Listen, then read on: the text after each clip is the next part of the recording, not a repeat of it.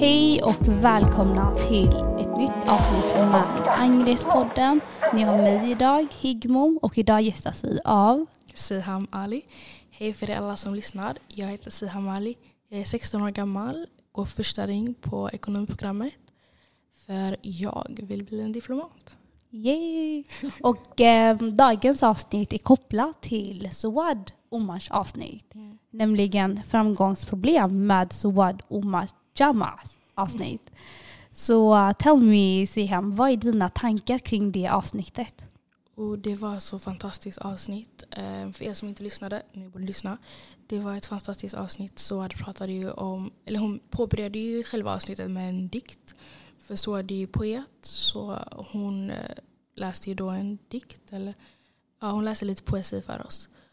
Och sedan kom hon in och pratade om hur hon började med sin poesi och vad hon bemöttes med när hon väl sa att hon skulle börja med poesin och hur hon överkom allt det och vad, hur, hon, hur hon bara påbörjade sina drömmar och vad som, vad som fick eh, henne att, att bli en poet. Mm. Ja, och um, jag och Suad som en person, alla känner henne.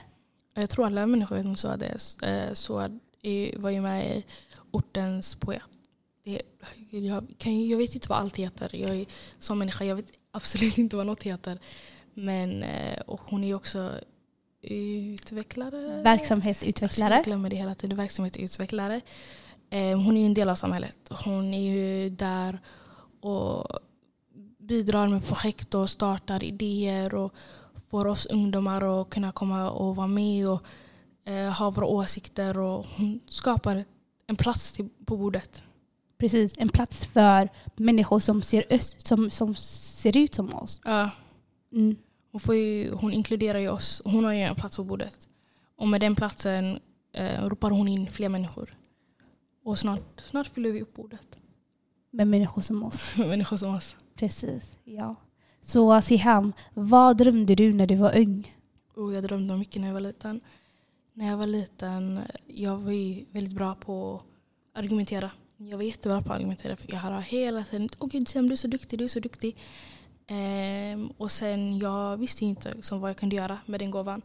Så jag fick ju höra hela tiden, ah, Siham du borde bli diplomat, nej inte diplomat, du borde bli politiker, du borde jobba något med regeringen eller riksdagen. Du, du, du har en gåva en gåva som, som är jättebra för ett visst yrke. Och jag läste upp och tänkte okej vad kan jag göra med det här? Jag visste att jag inte ville bli, jag vill inte bli värsta politiker, jag vill inte bli någon som sitter och gör massa beslut och, och allt med medien, det var inte min grej. Så jag tänkte okej men vad kan man göra lite bakom kulisserna och lite så här, vad kan man göra? Och då hittade jag mitt perfekta yrke, diplomatiken. Jag såg vad är en diplomat? Och då tänkte jag okej, jag måste klicka på det här, jag måste läsa om det här. Och när jag väl läste, jag blev ju kär. Kan man säga så? Jag blev kär i mitt yrke. Mm. Och eh, har du nu, vad tänker du på, eller vilket land tänker du liksom jobba? Och det, är, det är en svår fråga. Jag tror nog någonstans i Afrika. Somalia kanske? Jag är somalier om ni inte har förstått det än. Så kanske, jag om vi ens har en svensk ambassad i Somalia, Jag tror det närmaste ligger nog i Kenya. då blir det Kenya. Kanske Gambia någonstans där. Mm. Uganda. Yes. Och ehm, ehm, när du var ung, eller lite yngre än dig, för du är ju fortfarande ung Ja, Siham. 16. Ehm, precis. Och ehm, när du var ung, vad för typ av motgångar gick du igenom? Eller bättre sagt då, örfilades du med? Jag örfilas med mycket. Redan i en ung ålder, jag tror alla människor, eller alla i min ålder, vet ju att när man ser ut på ett visst sätt, när man kommer från ett visst ställe, den så kallade orten, då bemöts man med många, många, många stereotyper. Och som en, i en ung ålder, man tänker inte mycket på det. Eller jag tänkte mycket på det, jag vet inte om andra gör det. Men jag fick ju hela tiden höra, ah, du, typ så här, alltså när jag blev äldre och ville, alltså, du vet när, när man var liten, man vill ha en dröm. Och då lärde de sig jätte, ah, ah, ja din dröm. Ah. Men när man blir äldre och, och liksom fortsätter att drömma, vissa lärare är ju inte bra på att stötta drömmar. Så jag fick ju höra från vissa lärare att diplomatik och sånt var inte var för mig. Eh, men jag fick höra det på ett fint sätt. Jag vet ju att de menar att folk som ser ut som jag inte kan bli diplomat. Men jag fick ju höra det på att ah, det finns andra grejer man kan göra med dina egenskaper. Kanske inte inom eh, regeringen och sånt. Man kan ju vara i något litet ställe i samhället.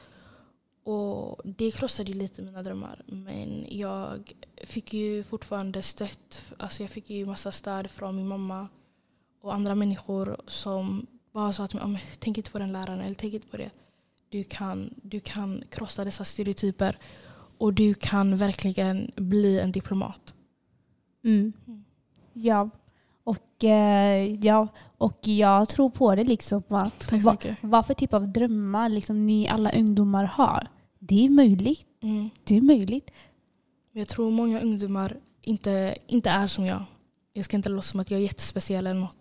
Men det är många som har drömmar men de blir, deras drömmar blir krossade. För att de vet att om man ser ut på ett visst sätt då är det bara, man kan bara bli en liten grej. Man, kan bara, man måste minska sig. Så de, de, de, de, de, de, de tror inte på sig själva helt och hållet. Man, man släpper sin dröm för att bli det samhället säger till att vara. Och det, alltså, alltså jag vet att det är, det är så svårt.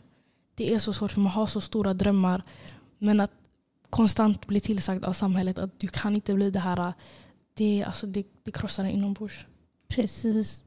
Och eh, hur kan då man säga till dessa ungdomar att du kan bli allt? Jag tror man måste, typ, man måste ha ett stöd, man måste ha ett team om man kan säga så. Man måste ha, ha människor runt omkring dig som vill ditt bästa. Alltså var med människor som, alltså, människor som vill stötta dig. Gå, alltså, spela inte in i de här normerna. Spela inte in i det här att ah, du, kan bara, du kan bara jobba på Volvo. Du kan inte bli något annat. Du måste vara kvar där. Spela inte in i den här drömmen att ah, men du, du kan inte bli politiker, du kan inte bli målare, du kan inte bli artist, du kan inte bli operasångerska. Jag vet inte om folk blir op- operasångerska, men om man vill det, du kan fortfarande bli oper- operasångerska. Mm. Ja, så med andra ord så behöver man ett eh, support system. Ja, ett support system. Mm, ja. Men eh, vad tänker du på när, eller hur står dagens ungdomar ut med rasism? Och vår generation, oh my God. jag har blivit en gamling som säger vår generation. Vår generation, vi alla har ju sociala medier. Vare sig det är Instagram, Snapchat, vad man ännu mer har, TikTok, allt det där. Man, vi, har, vi har dessa plattformar, vi har sociala medier. Även om man inte har världens största, alltså man kanske inte har tusen följare, man kanske inte har, man kanske inte har följare. Men att du gillar någonting eller delar det på din story för att dina få följare ska se något. Och så de senare delar det till deras vänner och sen deras vänner som kanske har 1000 följare som delar till sina vänner. Du bidrar ju till någonting även om det kanske inte är Även om kanske inte du står där framme och demonstrerar eller ordnar demonstrationer. Du deltar ju lite. Mm. Och ehm, vad tänkte du när du hörde under avsnittet vad för typ av motgångar som SÅD gick igenom? Alltså det passade in väldigt mycket i det jag går igenom. Att eh, um, dessa motgångar som att för hon nämnde att det var båda omedveten och medvetna motgångar.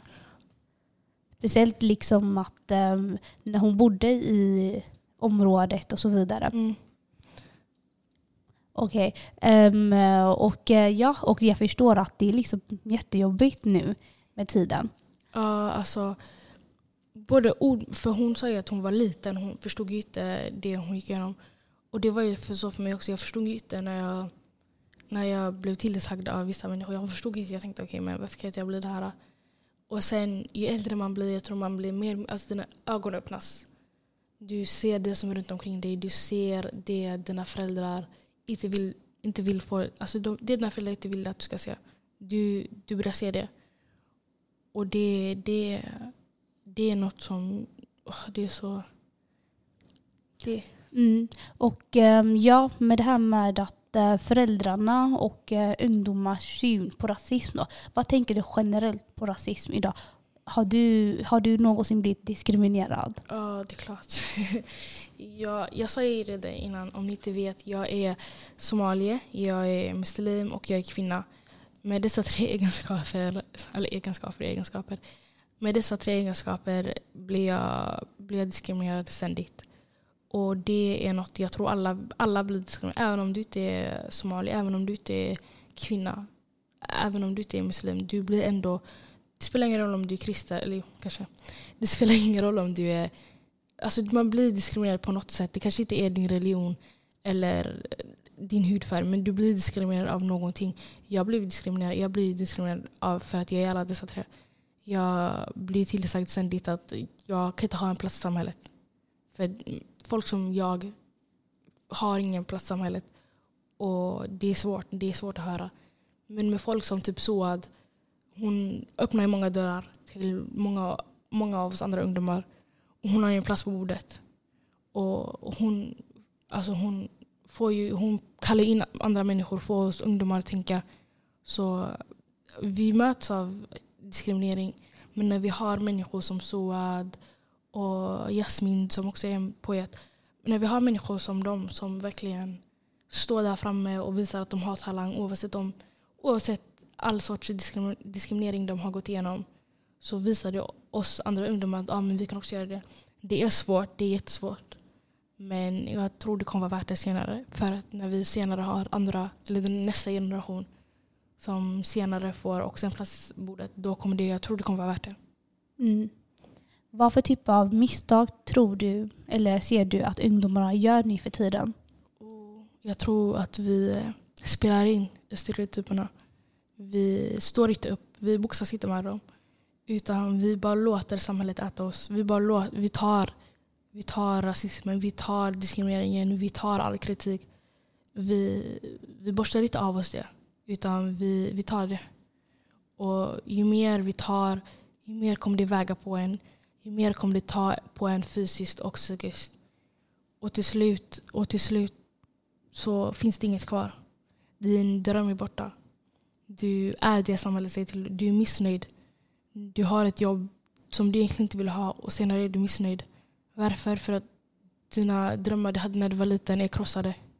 På grund av att du har spelat in i dessa stereotyper. Så jag tror det man måste göra är ställa sig upp. Boxas väldigt, väldigt hårt med stereotyperna. Bli nästan Anthony Joshua. Alltså boxas med dem. Lek med stereotyperna. Alltså, ställ dig upp och verkligen tro på dig själv. För det, kom, alltså det finns ingen annan som kommer tro på det lika mycket som du själv gör. Hur klyschigt det ännu låter. Alltså, du är din största hype man. Du är, det är du som kommer ställa dig. Det är du som kommer gå till arbetslivet. Alltså, ingen kommer följa med dig. Det är bara du. Mm.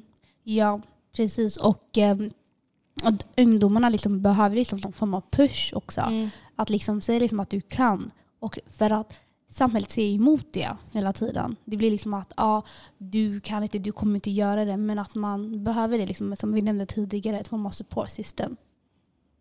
Uh, ja, jag har ju mitt support system. Jag har ju min syster, jag har min mamma, jag har mina vänner, jag har mina släktingar, jag har, mina, jag har många.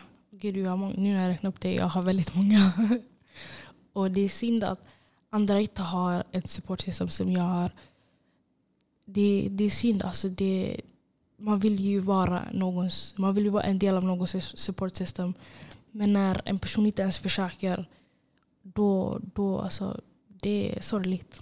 Det är sorgligt. Mm. Och um, vad kan man göra till med dessa? Hur kan man göra så att de liksom försöker?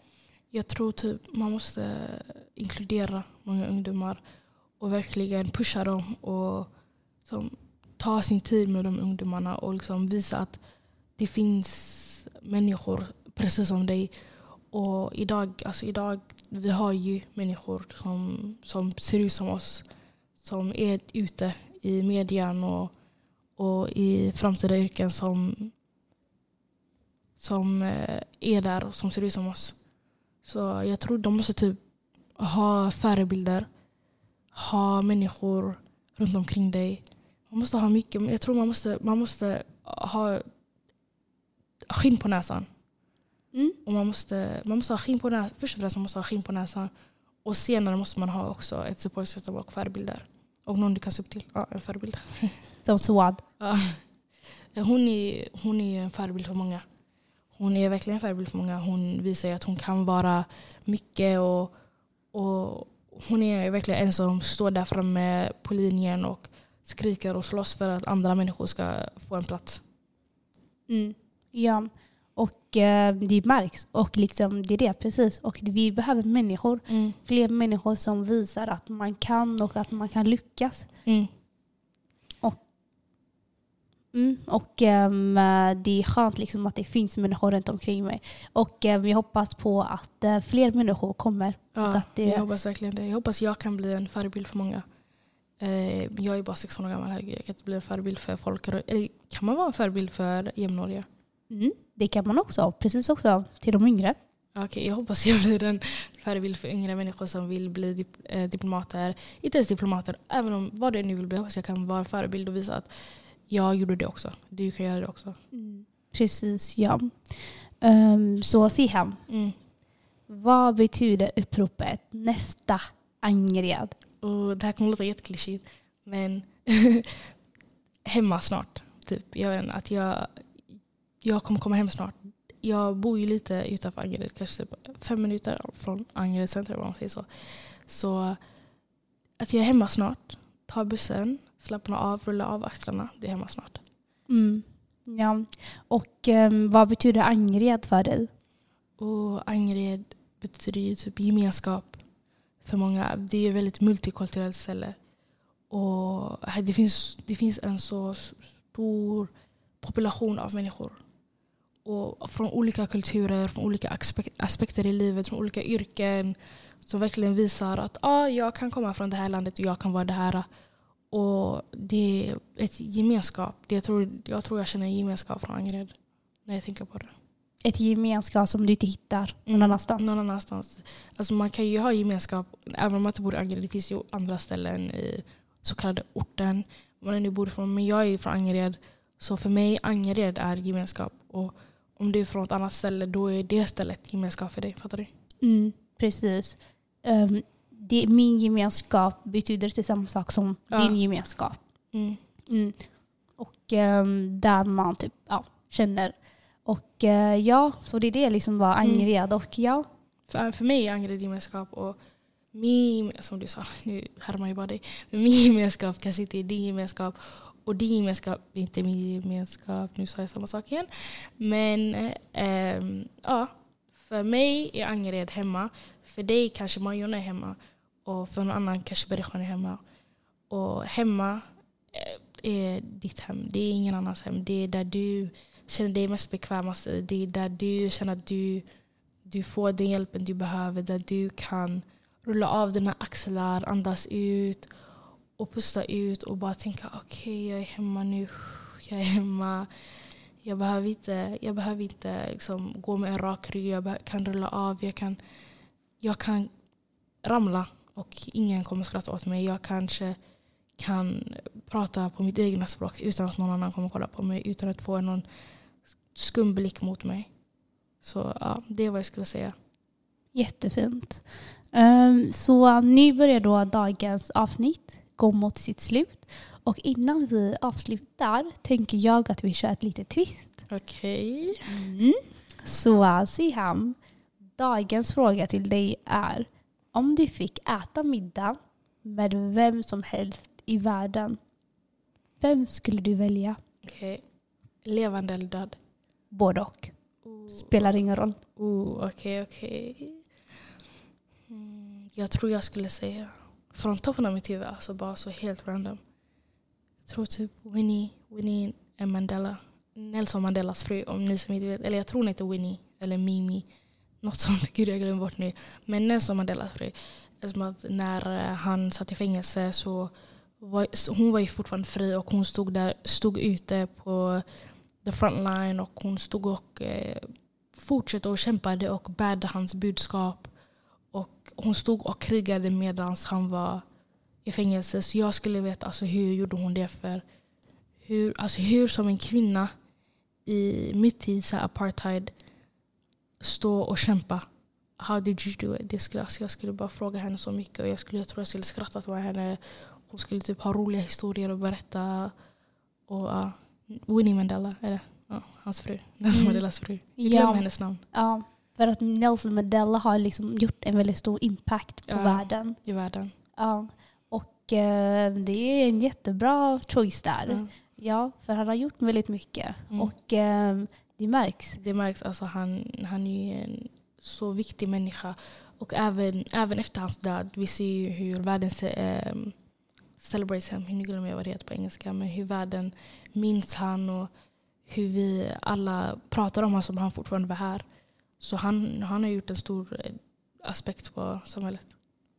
En bra och fin påverkan. Och påverkan. Ja, och Gud. eh, ja, precis. Jättefin, bra och klokt eh, val där Mm. borta. Och eh, ja, några slutliga ord du vill säga? Men, det, men eh, tack så mycket Siham för din... för att eh, jag fick vara här. Ja, tack så hemskt mycket för dina fina ord och eh, dina kloka tankar. Eh, vi uppskattar det verkligen. Och med det sagt skulle jag önska er alla lyssnare en fin dag, kväll, morgon, vilket Vad tid du ännu gör, ha, ha en trevlig fortsatt dag. Precis, ja. Och eh, med det sagt, ha det så fint.